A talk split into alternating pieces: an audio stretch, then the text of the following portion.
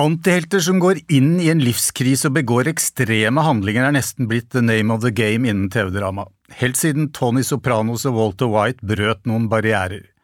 Mye av spenningen handler da om hvor langt vi er villige til å strekke vår empati med hovedroller vi egentlig ikke er ment å like. I den nye norske serien Rip Henry får vi også testet våre empatiske evner når hovedrollehaver Mats Avsdal og regissør Arild Frølich skildrer en mann som går helt av skaftet etter at han har mista kona. Og jeg er så heldig å sitte her i studio sammen med herrene Avsdal og Frølich, som nettopp har hatt premiere på Rip Henry på Viaplay. Velkommen! Tusen takk. Takk for det. Ja, Rip Henry er, som jeg sa da dere dukket opp her, en spennende sjangerblanding. Altså, det er både litt sykehusdrama, mørk komedie, borderline horror og en film om en sorgprosess. Og kan dere si litt om hvordan karakteren Henry ble formet i denne miksen? For det bor jo en Henry i oss alle, på sett og vis, og kanskje særlig menn på vår alder. Det er jo et vanskelig utgangspunkt å skape sympati for en mann, hvit mann 50 pluss i øvre middelklasse. Ja, det er en hard nøtt. Det er en ganske hard nøtt. Du er jo relativt utskjelt i utgangspunktet. Eh, og har en ganske mørk historie i en veldig moderne tid. Så eh, det var litt av en oppgave. Men eh, jeg tror vel det elementet som handler om å være aleine om sitt eget problem, er noe vi alle kjenner oss igjen i. Mm. Eh, og selvfølgelig her tilspisset med at han da er lege og er et menneske som bestemmer over liv og død. Eh, og forholder seg til mennesker i svake øyeblikk, som både pårørende og folk som ja, dør mellom hendene på han. Så tenker jeg at eh, den kontrasten der var interessant og spennende å, å liksom lete i, da. For å bruke et sånt uttrykk. Ja. Han men det er, ikke gitt, det er ikke gitt at publikum på en måte får den sympatien med han. Og det er ikke sikkert alle får det heller, men, men jeg kjente jo på at det var det var en av de viktigste tingene vi gjorde, var å på en måte skape For hvis du ikke får den sympatien, så er det jo egentlig bare en fyr som går ut og sutrer. Eller kan oppfattes sånn. i ja, hvert ja, fall. ja, ja. Altså, jeg synes Det som er interessant også med karakteren, er jo at eh, starter jo, det utvikler seg jo. Du blir jo bedre kjent med, med Henry etter hvert som uh, serien skrider frem. da. Uh, og av som, En av de tingene vi snakker mye om, er at så lenge han i starten, før han finner ut av at han er syk, altså når han er på en måte on top of the world, når han er uh, den, det utgangspunktet som han har, så, eh, så er han, selv om han på en måte kan oppleves som eh, bedrevitende og arrogant og den slags, så, så, er, så har han på en måte rett. Det er viktig å gi han rett det er med sånne karakterer. At eh, jo, jo, egentlig, og så er han flink. Han kan jobben sin. De som han sier 'du er ikke like flink som meg', er ikke like flink som han. Selvfølgelig sier man det ikke sånt, fordi det, det, er, det er ikke noe fint å gjøre. Men, eh, Det er sant. Men det, det er sant, da. Ikke sant? Nei da. Så eh, det er liksom et poeng. Og det var ganske interessant. Jeg, på søndag så, så jeg episode 1 og 2 sammen med døtrene mine, som, eh, jo, som, har, som ikke er så veldig glad i hvite menn rundt 50 sånn i utgangspunktet. Hun skal lite til før de gjør noe feil. Mm. Um, Uh, og der gikk det fra liksom uh, for en, Hva er det han fyren her driver med? Uh, til at i løpet av episode to tenker at stakkars, det er litt synd på han. Han har noe Så det, jeg syns det var interessant, og det, jeg har jo aldri lagd noe som er lengre enn 90 minutter før. Dette her er, en, er seks timer. Det er seks timer med, med noe som skal fylles og, og noe som skal fortelles, og det gir oss en litt sånn har gitt meg en, eh, altså det har vært en ganske bratt læringskurve, men det er også noe sånn Vi kan, oss, vi kan ta oss tid til å liksom bygge på denne karakteren, da, sånn at vi etter hvert skjønner at det er mer enn dette vi ser først på utsiden, som, eh, som er en del av hans bakhistorie, og som er en grunn til at han også er som han er. da. Vi skal komme litt tilbake til det med å kunne gå eh, litt mer i dybden i serieformatet. eh, men det som på en måte løfter serien ut av det dyp, dyp, dype mørket, er jo selvfølgelig humor.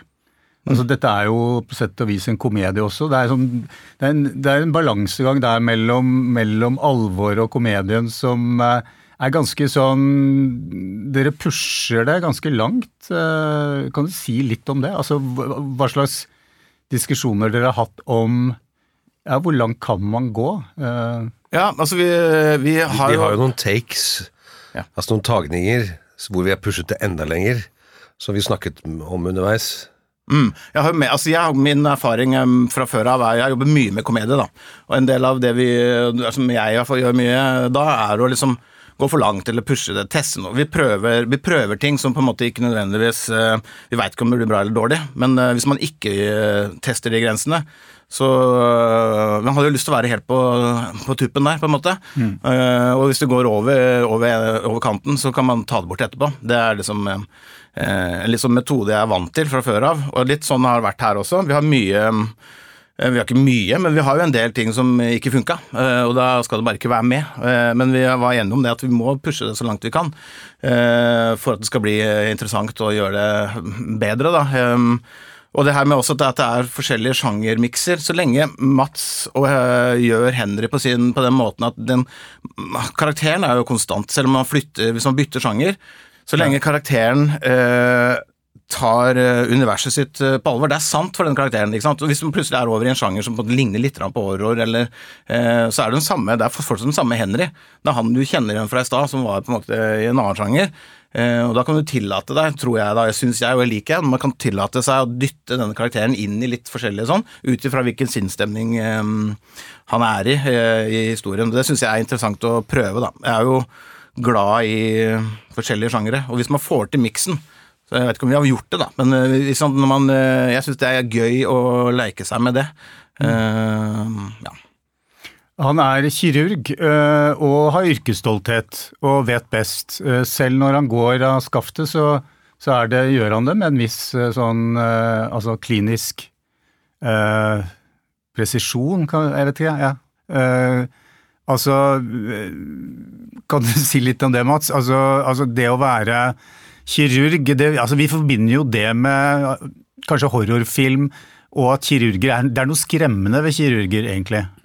Ja, og innen kirurgien i seg selv så er det jo forskjellige sjangere, eh, har jeg fått erfare.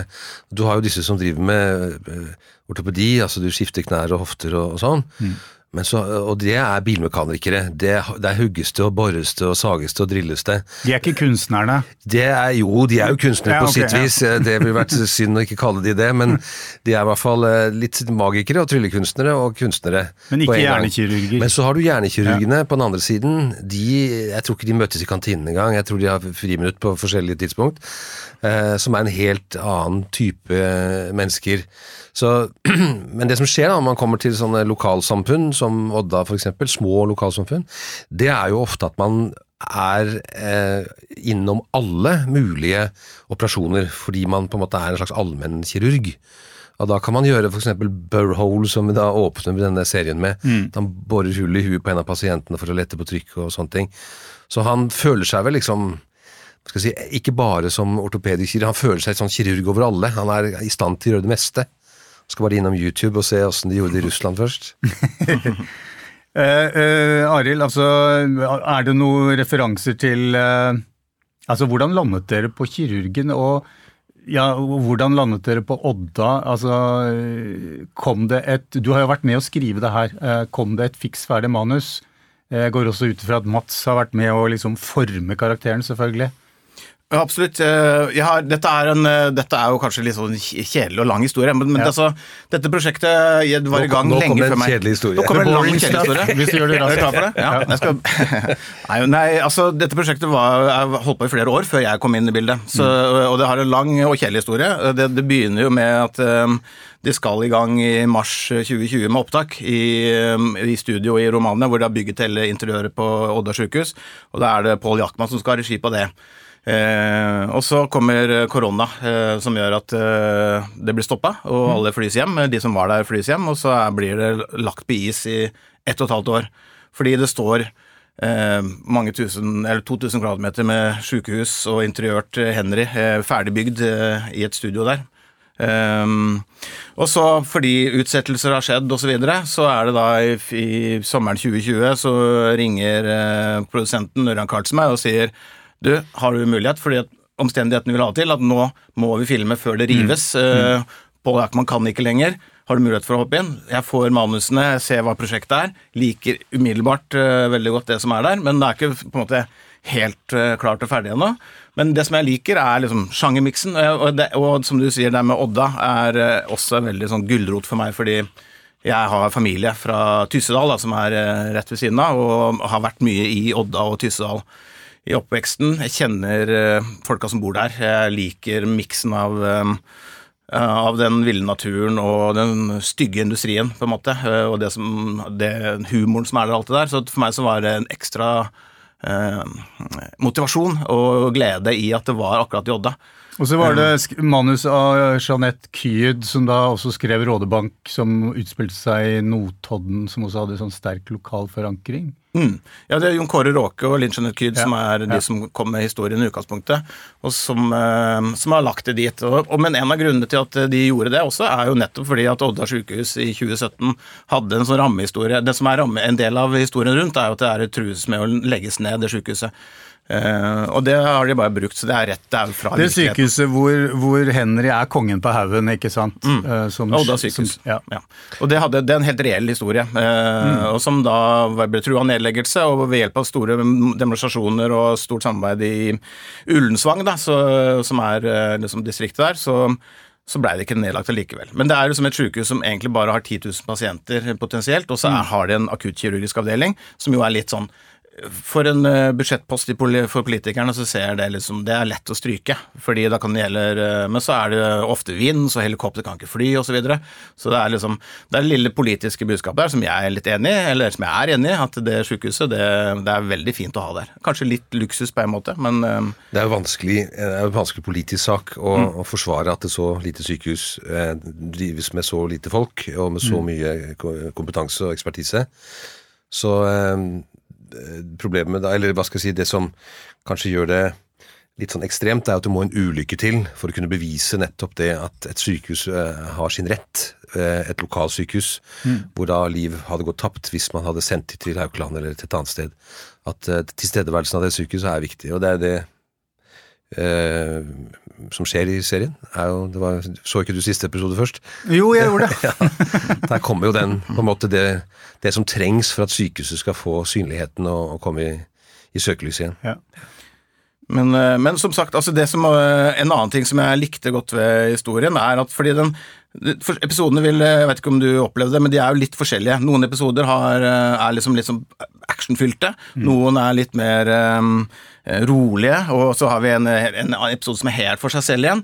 Uh, men det var også et veldig bra utgangspunkt som lå der i manusen. Nettopp at de, Da de begynte å skrive det, så satte de opp en, en sånn Det som er de klassiske stadiene av sorgprosessen når du får vite at du skal dø. Altså når du, når du, når du vet at du er dødelig syk så er det en sånn eh, Så har det en sånn faste stadier som starter med fornektelse, eh, og som da går over i, i, i aggresjon.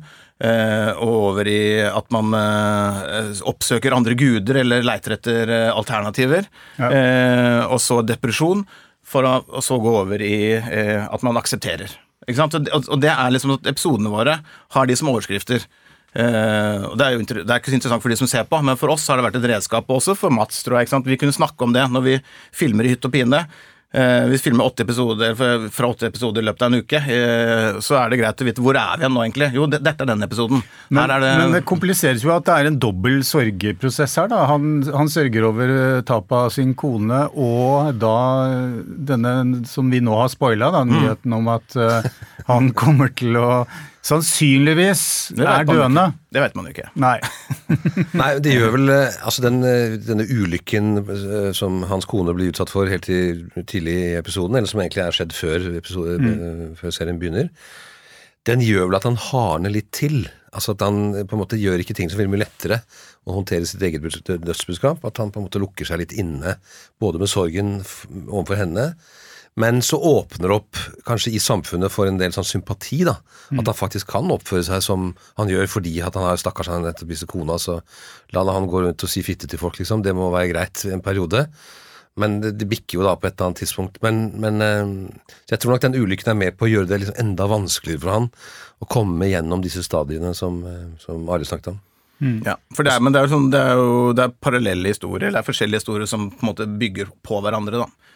Ja, og, og da kan vi jo komme inn på det vi snakket om i sted. at altså, Med serieformatet så kan man uh, gå mer i dybden av rollefigurene. Man kan ta avstikkere man ikke har tid til uh, eller rom for i spillefilmformatet. Og kan dere si litt om det? Altså, Arild, jeg kunne godt tenke meg å høre hva du hva du mener som, hva er det som, hva er det, og Dette er kanskje et vanskelig spørsmål, men hva er det ved en skuespiller som gjør at en skuespiller kan bære åtte episoder? Ja, men du må jo altså, være god, da. Ja, du må være god, ja. Hvilke kvaliteter skal, skal man trengs? Altså, fordi det er jo, det er en, det er jo et maraton. Ja, det er, Godt det- betalt er vel også et ja, Nei, men altså, det er ikke alle som den, den, Og denne serien her Det er, er liksom veldig ber, jeg ber ikke ofte om at uh, gjestene skal skryte av hverandre, og det er egentlig ikke det jeg ber om. Nei, men, men, det, altså, det er jo en du må, Men du må også være ganske dedikert da, til, ja. til det, for det har vært en ganske sånn Det er jo en stor jobb. Eh, og Mats har liksom måttet gå inn, med det, altså inn i jobben med hud og hår. Eh, ikke bare liksom sette seg inn i hva gjør man? Altså, han har jo vært sant, observert på, på, ved operasjoner, lært seg å sy altså Det er mye sånn det, det er praktiske ting. Eh, men også det der å liksom Eh, ja, Du har jo hatt en prosess som starta før meg også, og så går vi inn, og så kommer jeg inn, og så ender vi opp med liksom Vi gjør litt endringer. Vi kjente hverandre ikke så godt fra før av, bortsett fra at vi har møtt hverandre før, liksom. Vi har ikke jobba sammen før. Det, men det krever jo en, en enorm innsats. Det er det det, er det, det gjør. Og, en, eh, og, og tillit, da. At vi liksom Stole stoler på hverandre, eh, og det føler jeg at vi har gjort, og, eller det har vi gjort, og etter hvert mer og mer. ikke sant? Så tørre nettopp å gå La oss gå enda litt lenger, liksom. Nå prøver vi prøver bare de greiene her. Og som du sa i stad, det finnes en del ting som ligger på klippegulvet, for det, det funka ikke. Men vi, da, hvis man stoler på hverandre og, og allikevel tør å gå den veien, da, så får man noe fint ut av det. Um, ja. Ja, altså, Det er vel et sitat fra Sopranos, eh, manusforfatteren en gang i tiden, som eh, fortalte at en av skuespillerne i eh, sesong to eller tre, eh, som hadde lest det nye manuset til den nye serien, eller nye eh, sesongen, hadde gått opp til manusforfatteren og sagt at 'min karakter gjør ikke sånn', eller 'min karakter ville ikke ha gjort det sånn'. Hvor da på manusforfatteren svarer 'hvem har sagt at det er din karakter'? Og det er litt viktig å huske på, fordi altså Arild og jeg han- Dere hadde ikke et sånt øyeblikk, dere? Eh, absolutt ikke, for jeg har lært veldig mye av det før. Altså, Ja. Eller bare det å kjenne på at man er ikke aleine om Selv om det ofte føles aleine, og, og hvis man er med sine egne ting, så, så er det ikke en jobb aleine. Det, eh, det er et lite team rundt, og den hva skal jeg si, symbiosen som er mellom regissør og skuespiller, den er så viktig. Fordi den skal også utfordres. ikke sant? At han, han gjør seg sine tanker, sine ideer om hvor, man er, hvor, hvor er man, hva skal man hente opp, hvor, hvordan reagerer han på denne beskjeden eller på denne omstendigheten som er nå. Og så kommer regissøren og vil ha noe annet enn det. Det er ganske vanskelig å omstille seg i forhold til det. Og hvis du da ikke har tillit til, til regissøren eh, samtidig, så kan det oppstå ganske mye gnisninger. Men, men diskusjoner har vi hatt. Vi har jo gått stille forbi hverandre i studiodøren en gang. For jeg tenkte at nå var det ingen som hadde noe mer å bidra med. Og så har vi liksom klart å kni det, det derfra. Så det, det er det er et sånt lagarbeid som Du må bli utfordret på ting også, ellers så blir man litt satt Jeg tenker på det at når vi gjør scener, når kameraet går og på en måte vi er i en situasjon, så er man ikke ferdig da heller. Altså, jeg, Du holder jo på å lete hele tiden. Hvordan reagerer du på ting? Hvordan forholder man seg til ting med, den, med de spørsmålene man har, med den, den bagasjen man hadde fra, med seg fra forrige scene, osv. Og så, så ja. Det er et teamarbeid, da. Så er det, men som jeg, som, eh, det er en svær eh, oppgave å, å fylle altså Det er seks timer med drama. Det det, det er liksom Vi har hele tiden måttet gå? Vi har en idé om hvordan det skal være, og så er vi der. og Hvis det ikke funker, så må man gjøre noe annet, og så er det en bit som egentlig da plutselig har en effekt på noe som skjer to episoder etterpå. Det, er, eh, det har vært litt sånn derre Men vi har prøvd å hele tiden ha en klar idé og en oversikt over det. Eh, Vi filma jo først alt som skjedde inn på innsiden av sykehuset eh, og hjemme hos Henry, som var i studio, og så hadde vi et halvt år før vi skulle til Odda igjen eh, for å filme eh, eksteriører og interiører der, som var på location. og ja, noen flere ting eh, etter hvert. En annen viktig location som vi bygde i studio igjen. Men, men det å da ha det halvåret imellom der, for da hadde vi Så klippa vi alt det vi hadde. Vi pussa på manusen igjen og, og fikk liksom gått gjennom det. Det var veldig nyttig, i hvert fall for meg, som på en måte for å komme og få oversikten igjen, og så vite for shit, det er dette her vi skal gjøre. Og i den prosessen så endra vi også en del ting. Som bl.a. blant annet en del av det sykehushistorien og sånn, som vi følte at det blir for eh, mye, og det blir feil, og vi har um, ja, vi har, Det har vært en sånn, ikke bare for Mats sin del, men også for oss uh, som har prøvd å holde styr på his, historien, så har det vært en sånn ongoing prosess hele tiden. Og som uh, veldig mange har sagt før meg, så er det som manus er ikke ferdig før vi har låst klippen. Og sånn har det vært veldig her, da. Uh, og så den jobben både med manusforfatterne og med skuespillerne på sett og med alle de flinke folka som har vært med, og klipperen til slutt, har liksom vært en Det har vært veldig, veldig gøy, syns jeg, og, og, svært. Vi har jo til og med hatt um, live manusskriving på sett. Ja. Så tight har det vært av og til hvor jeg hører kameraet går. Eh, vær så god, det skal være en kjøring. altså Kameraet skal ha en slags glidende inngang. Og jeg skal sitte og lese inn noe på en sånn diktafon i forhold til en pasient som nettopp er sånn og sånn. Den teksten burde være korrekt, så jeg satt og tekstet med en lege i, i Oslo om at han kunne bare vaske gjennom den og se liksom hva ville dere sagt, og så skal jeg prøve å gjøre den sånn. Dette er da mens kameraet går, så vær så god, ja, bare kjør, så jeg. jeg må bare vente pip, pip, der, Ok, der kommer den. Jeg skal bare pugge den. Bare kjør. Uh, ok, nå har den. Så vi har liksom skrevet manus til og med når kameraet har gått. Ja. Så, så jeg husker jo, altså Fra norsk TV-dramas barndom så var det jo sykehusserier og politiserier og sånn, hvor, hvor, man skulle gjøre alt riktig. Så det ble sånn eh, ikke sant, Det var jo det Åpen post parodierte med kjøreboka. Mm. Uh, var du med å lage den? Nei. Uh, nei, men jeg har vært med på noen ja. av de der uh, i ambulansen her, ja. ja nei, men uansett, altså, da, da, da, var man veldig stolt av at man, man fikk til å liksom, Prosedyrene var riktige. Uh, men det kan jo fort selvfølgelig bli en tvangstrøye. Og noen kommer sikkert til å si at Odda er ikke sånn, og det er aldri sånn på et sykehus, ikke sant. Men altså, kan dere si noe om liksom, dere, dere har anstrengt dere for å skildre det troverdig opp til et visst punkt. Men så er jo på en måte eh, selve fortellingen så utrolig at, at det spiller kanskje ikke så stor rolle etter hvert om alt skjer på riktig måte. Nei. Nei, altså Jeg har hatt kontakt med altså Når det gjelder den legedelen av det, altså selve den operasjonstemaet her, så har jeg hatt kontakt med flere kirurger. Vi har til og med hatt kirurger på sett. Så når vi står og opererer på, mens kameraet går, så går vi med munnbind ikke sant, som man gjør. Og da har det gjort, gitt oss muligheten til å kunne snakke under take. Så jeg spør jo hele tiden hva gjør jeg nå, hva heter det, hvor skal jeg nå, hva er dette riktig, ser det bra altså, mm. Så hvis man kunne liksom, ha referanse på det. Men bare de tre kirurgene imellom er jo også veldig forskjellige. Så det jeg har lært, er at dette her må liksom jeg gjøre til min eller Henrys måte å være på. Eh, og blande litt forskjellige Fire leger har jeg hatt å snakke med. Mm. Så, så, det Jeg husker også de politiseriene vi gjorde på NRK for noen år tilbake, hvor det viktigste var å snakke korrekt og holde våpenet riktig, og at uniformen skulle være der. Men jeg føler at vi her har liksom klart å gjøre det mer eh, Hva skal jeg si eh, gjenkjennbart, da. Mm. I, I, det vi har gjort her. Men ja. det er riktig.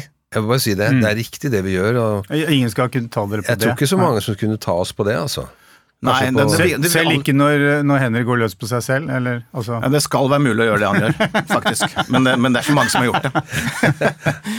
men det, altså, det, er ikke For meg så er ikke det altså, Helt personlig, for meg så er ikke det sjuk... Altså, selve det praktiske, hva som foregår i de operasjonene, er jo ikke spesielt interessant for meg, men det er viktig at det er riktig. Mm. Uh, så der har vi fått hjelp av de som kan det, og så er det Så kan man jo ikke Det er jo ikke en sånn uh, how to do it yourself uh, um, Eh, serie. Eh, så, men vi, det, jeg tror ikke, som, som dere sa, det er, eh, det er, riktig nok, og det er, og det er forhåpentligvis da med på å bygge opp rundt dramaet, som, som, er det viktige. Mm.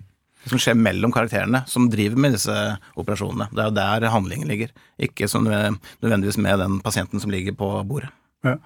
Dere har hatt et skriverom, som det så flott heter. Eh, men det skriverommet har vel vært liksom spredt utover noen år, og litt folk inn og ut, kanskje? Ja, ikke sant. Det ser ut som wow, det har vært et skriverom med ni manusforfattere. Ja, ja, det så imponerende ut. Så det uh, på IMDb. Men for meg som kom inn, i det jeg kommer inn, så ligger allerede en serie på bordet. Mm. Men den er ikke helt ferdig, og jeg vil også gjøre den til min, på en måte, så da går jeg inn i det. Eh, For du er, med, du er, medforfatter og regissør? Ja. Ja. Eh, og, da, og da ville jeg først ha med Linn Jeanette og Jon Kåre, de, men fordi at dette var halvannet år for, forskjøvet, så er de på helt andre kanter og gjør andre ting. Eh, så da måtte jeg sette opp et nytt skriverom da, med tre manusforfattere som jeg har jobba med. Jeg har ikke jobba med de de seks andre, eller hva, hva det nå blir. Altså, de har jo gjort en kjempejobb i forkant, men så er det jeg som da siden de andre ikke kunne, så tok, uh, gjør jeg det da, med de tre som jeg jobba med. Og det var veldig fint. det. Og det var som sagt også både innspurten inn mot, uh, mot uh, den første delen av opptakene. Det var én ting bare å få liksom, ja, orden på historien da, og så i tillegg da ha det halvåret etterpå til å liksom pusse og, og sånn på det etterpå med den samme gjengen. da. Mm. Eh, men, det, men, dette er jo sånn at vi jobber i Det var jo fortsatt korona etter det, så vi, er, vi, sitter jo hjemme hos meg, og så sitter de hjemme hos seg, to i Sverige og en i Norge. Så det har vært mye, mye Teams, for å si det sånn. Hvordan fungerer et skriverom, altså for de som ikke vet det? Det, det er sikkert ikke én mal for det? Nei, det tror jeg ikke det er. Det er jo ofte en tavle da, med masse gule lapper på. Eh, den tavla var hjemme hos meg på en måte, eh, siden vi ikke satt i samme rom eh, så ofte. Men det blir jo litt sånn at én må holde, prøve å styr på det, og siden jeg var den som etter hvert da fikk det ansvaret, så er det bare jeg som, som skriver hver for oss, møtes tre ganger i uka, har lest hverandres ting, eh, komme med tilbakemelding til hverandre. Eh, og så til slutt så må jeg også da sammen med, med, med produsenten finne ut av hva vi skal gjøre. Så, så det Um, det var også, altså Jeg har vært med skriverom uh, helt perfekt, har jeg jo jobba mye med. Som, der var vi med å sette opp et skriverom hvor vi satt mange og jobbet med, med humorserien. Det var litt mm. annerledes. Der var det veldig ett rom og, og, litt samme metoden at man går hjem og skriver, kommer tilbake, leser for hverandre, og så får man ideer fram og tilbake.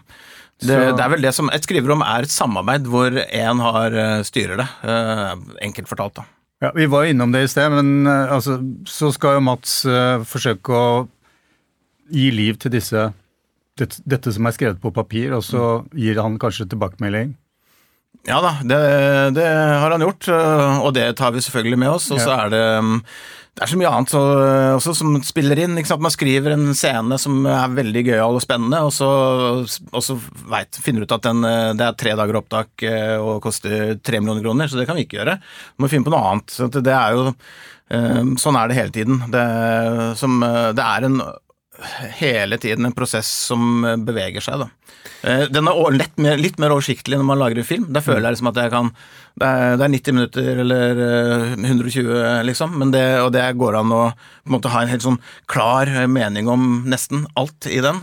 Mens her har det vært litt sånn Det er så svært at man må, må faktisk tillate Eh, serien å leve litt på egen hånd, og at eh, ok, vi mista det, da gjør vi det. Eh, mm. Og, det, og, det, å være såpass våken, da, det har vært en veldig gøy prosess, fordi det har vært, som du sier, selv om vi holdt ikke på å skreiv mens kameraet gikk hele tiden, men, men, men det der å faktisk bare tillate, eller kjenne at vet du hva, sånn er det. Nå mista vi den biten der. Da gjør vi noe annet. Da må vi faktisk finne på noe annet. Og så ofte så blir det vel så bra. Kanskje til og med bedre. Mm. Så det, det har vært en, en gøy eh, og intens prosess, da. Ofte så er det jo sånn at vi, vi skuespillerne er jo liksom inne på dialogsiden for å liksom skru til dialogen. Og kanskje en av de største utfordringene her har jo vært å gi fra meg replikker. Eh, altså, fordi det er jo mye eh, eksposisjon Altså, det er mye info som skal fortelles, som da ofte kommer i dialogform, som føles for en skuespiller litt sånn Hva skal liksom hele tiden fortelle eh, publikum om ting som enten har skjedd eller skal skje, eller hvordan man føler seg akkurat her og nå. Så har jeg eh, tenkt i hvert fall mye på at eh, hvis jeg liksom Hvis vi kan dele ut replikkene til de andre, altså gi liksom, Det kan hun få, eller den kan han få, så, så skaper det et litt mer fargerikt, eh, en fargerik situasjon enn at det står en som står liksom og kommer med eksposisjonen hele tiden. Så, um, så jeg har vært veldig Det har vært en av de tingene jeg syns har vært veldig gøy med Arild, at vi har funnet hverandre der. At vi kan spille det, bør ikke si det. Mm. Altså, innen filmen så er det jo sånn nærmest ubønnhørlig Altså, man skal fram til et punkt, og det går Altså, man har ikke så mye tid. Eh, her har man jo mye mer tid, og, og dere nevnte også det at altså, Eller du nevnte det, Arild, at man kan få flere også pusterom. eh, Man kan på en måte ta avstikkere osv. Og, og, og det er det jo en del av her. eh, Og annet noen sidehistorier som egentlig ikke er avgjørende for dramaet i det hele tatt. Men, men allikevel så på en måte så, så, så må man ha litt Ja, man må ha litt pusterom. Ja, og det er spesielt viktig i denne historien her, da, fordi hvis, hvis man bare altså det, eh, Henry er hovedpersonen, han, vil følge hans kamp for eh, å overleve eh, gjennom hele serien. Og den er jo både mørk, og selv om det er morsomt også, så er det er, eh, Hvis man er bare i det hele veien, så tror jeg det har blitt en eh, altså det, er, det, er, det mangler dynamikk, da. Dynamikken i, i serien har vært avhengig av at man liksom har noe annet. At man kommer ut, ser det livet som han er i ferd med Altså kommer ut av hans eh, boble og inn i noe annet, så man ser også hva det er han egentlig kommer til å, å miste da, hvis han dør. Eh, og som er liksom Odda, som er disse andre karakterene rundt, og som er Som rett og slett på en måte For meg har vært eh, det å leve, på et eller annet vis. Eh, og mm, og det, det gir en dynamikk som gjør at man kan le litt og puste litt og, og, og få oppleve noe annet, da, en Uten at det skal være Jeg håper ikke at det oppleves som bare sånn Det er ikke bare avstikker heller. Det er en intensjon ved det som på en måte er at man skal eh, tåle, orke å se det, på en måte, og faktisk eh, underholdes litt. og Bare litt sånne enkle ting som det. da. Eh, Men det har vært gøy. men Jeg synes eh, Det er veldig mange viktige bikarakterer i denne serien som bygger opp rundt hovedhistorien, men som tillater seg litt. Det er det som er deilig med TV-serier. Man kan tillate seg litt sånn, faktisk bruke, bruke litt tid på noe som ikke nødvendigvis måtte være med, men som allikevel jeg tror folk kommer til å sette pris på. Ja. Dere var begge sentrale på hver deres måte i hva skal vi si, norsk filmsuksess etter årtusenskiftet. Altså Mats med, med detek Detektor, eh, og, og du med flere filmer. Altså eh, blant annet øh, Dynamitt. Nei, hva er det jeg sier for noe? Ikke Dynamitt-Terje, men Pitbull-Terje. Pippelterror og Fatso og sånn, Ja, ja. ja. Men, men eh, da var det på en måte kinofilmens, spillefilmens uh, renessanse i Norge, eh, som nådde et stort eh, publikum. Men så har jeg på en måte spillefilmen slitt mer. Eh, og det er, det er blitt ekstremt vanskelig å få finansiert spillefilm i Norge i forhold til hva det var. Eh, hvordan opplever dere det? Altså er, er serieformatet Altså, savner dere spillefilmen, Arild? Altså, det er jo en stund siden du ja, ja, Det er ikke så lenge siden du laget en spillefilm, men, men, men jeg har forstått det slik at svært mange regissører eh, Jeg har møtt regissører som ikke gidder å søke lenger, og heller jobber med serieformatet, fordi der er det mer å gjøre og større utfordringer akkurat nå. Ja, altså Dette er første gangen jeg lager en TV-serie som ikke er humor eh, på 21 minutter, på en måte. Så, så for meg så er det første gangen eh, Og jeg kjemper på og prøver så godt jeg kan å lage spillfilm hele tiden. Ja. Det er litt vanskeligere enn det var eh, før, men uh, savn, altså, Poenget er at det her har vært en eh, veldig kul opplevelse og lærerikt. Det er eh, Um, men det er noe annet, da. Jeg, jeg kommer ikke til å slutte å prøve å lage spillefilm. Det, det gjør jeg ikke. Men jeg, jeg er heller ikke negativ til å lage TV-serie, fordi det er um, nei, det, er et, det er en massiv oppgave, da. Men jeg har likt altså, For min del så har det vært sånn vi, vi klarte ikke å, eller vi kunne ikke fordele oppgaven på den serien her. Eh, fordi vi filmer først på den location og så på den location, og så skulle delt det på noen andre regissører, hadde på en måte ikke gått Uh, uansett. Så det er, det er jo en seks timer lang spillefilm jeg har lagd nå, på en måte. Det er, ikke så, Eh, det er ikke så mye forskjell lenger på en filmproduksjon og en TV-produksjon, bortsett fra lengden og, og, og, og sånn. Så jeg tenker jo at um, først og fremst så er det vel det der med den sjangerblandingen.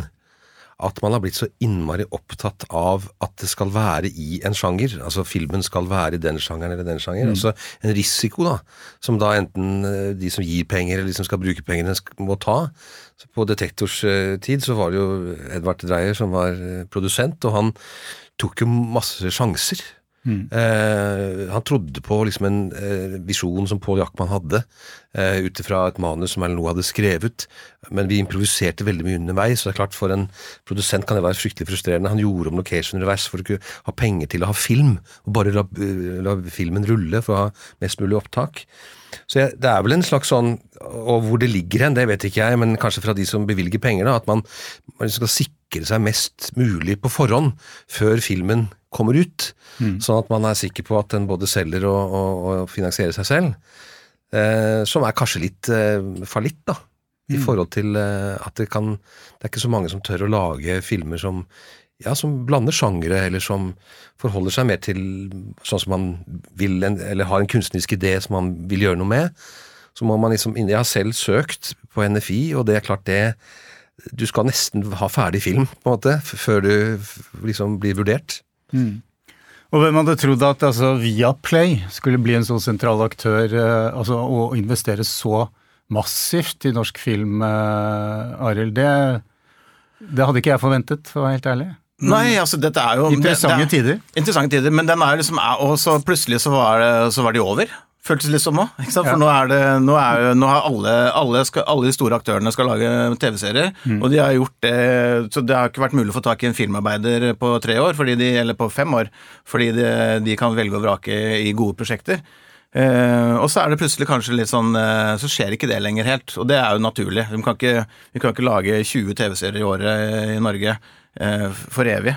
Eh, det er ingen, det er ingen som ser de til slutt. Eh, så, så det er spennende tider, da. Det er, eh, det er ikke noe å lure på. Men Viaplay har vært en altså, For min del her har vært kunstnerisk frihet, og de har, det er, vi har jo hatt penger til å lage noe som vi liksom kan stå for, og, og de gjør det med andre ting også. Så det er absolutt eh, Det er det nye NFI, det. Disse, ikke bare Viaplay, da, men, men faktisk de har i hvert fall mer penger enn NFI, og de, Ja, ja. og de gir de eh, uten å Og liksom det, er, og det er vel litt De deilig å tør bare å satse litt. ja, at, altså Det må vel være deilig i forhold til strømmerne, i hvert fall. At de Hvis de sier ja, så får du penga med en gang. Du slipper, ja, du, også, du slipper å ta de der Nei, Nå skal jeg ikke si det, for jeg veit jo ikke helt hva produsentene har måttet gjøre for å få alle pengene, men det føles eh, litt enklere. Hvis man har fått et ja, så er man i gang. Da er det ikke noe, da skal man ikke fortsette å finansiere i ett år til for å få resten av pengene. Du, jeg er fornøyd. Takk for at dere ble med i Filmsamtalen, Arild og Mats. Og så eh, blir det spennende å se hvordan eh, Rip Henry gjør det i en voksende flora av norske TV-serier, som bare blir flere og flere. Men som det begynner kanskje å dabbe av nå, da, som du er inne på, Arild. Ja, det blir iallfall produsert mindre eh, fra nå og fremover, virker Ja, det som. ja. Så, men eh, vi får håpe vi klarer å bli sett i alt mylderet av, av TV-drama, da. Jepp.